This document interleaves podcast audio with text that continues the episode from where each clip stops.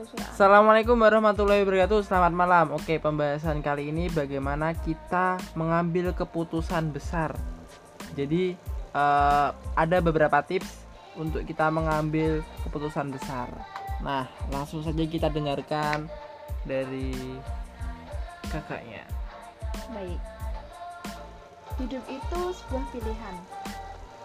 Kita pasti pernah dihadapkan pada fase di mana mengambil keputusan yang sangat sulit dan kita harus menanggung resikonya apa pun keputusan yang kita kita tentukan. Wajarlah kita takut salah langkah, takut tak sanggup dengan resikonya, atau takut menyesal dengan keputusan kita sendiri. Karena itu,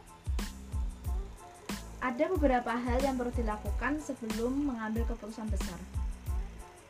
Yang Kayak apa pertama, kita mulai dari memikirkan dampak jangka panjangnya. Tips ini menjadi faktor penting agar tidak menyesal di kemudian harinya. Apakah keputusan itu berdampak besar atau tidak bagi kita? Dan jika tidak, lakukan yang menurutmu itu benar. Selanjutnya, mintalah pendapat kepada orang lain. Jadi ini yang kedua ya. Iya, Yang kedua ini kita harus meminta pendapat ke orang lain. Seperti namun apa tuh? namun ketika kamu meminta pendapat kepada orang lain, kamu harus mempercayai kok ngono sih? Iya.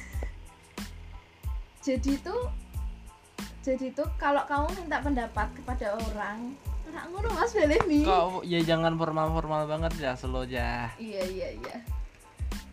Ya jadinya tuh eh, yang menurut kamu itu dia bisa mempercayai kamu gitu loh. Asal kamu jangan nerimanya dengan secara bulat, jangan apa yang dia katakan kamu langsung langsung terima gitu.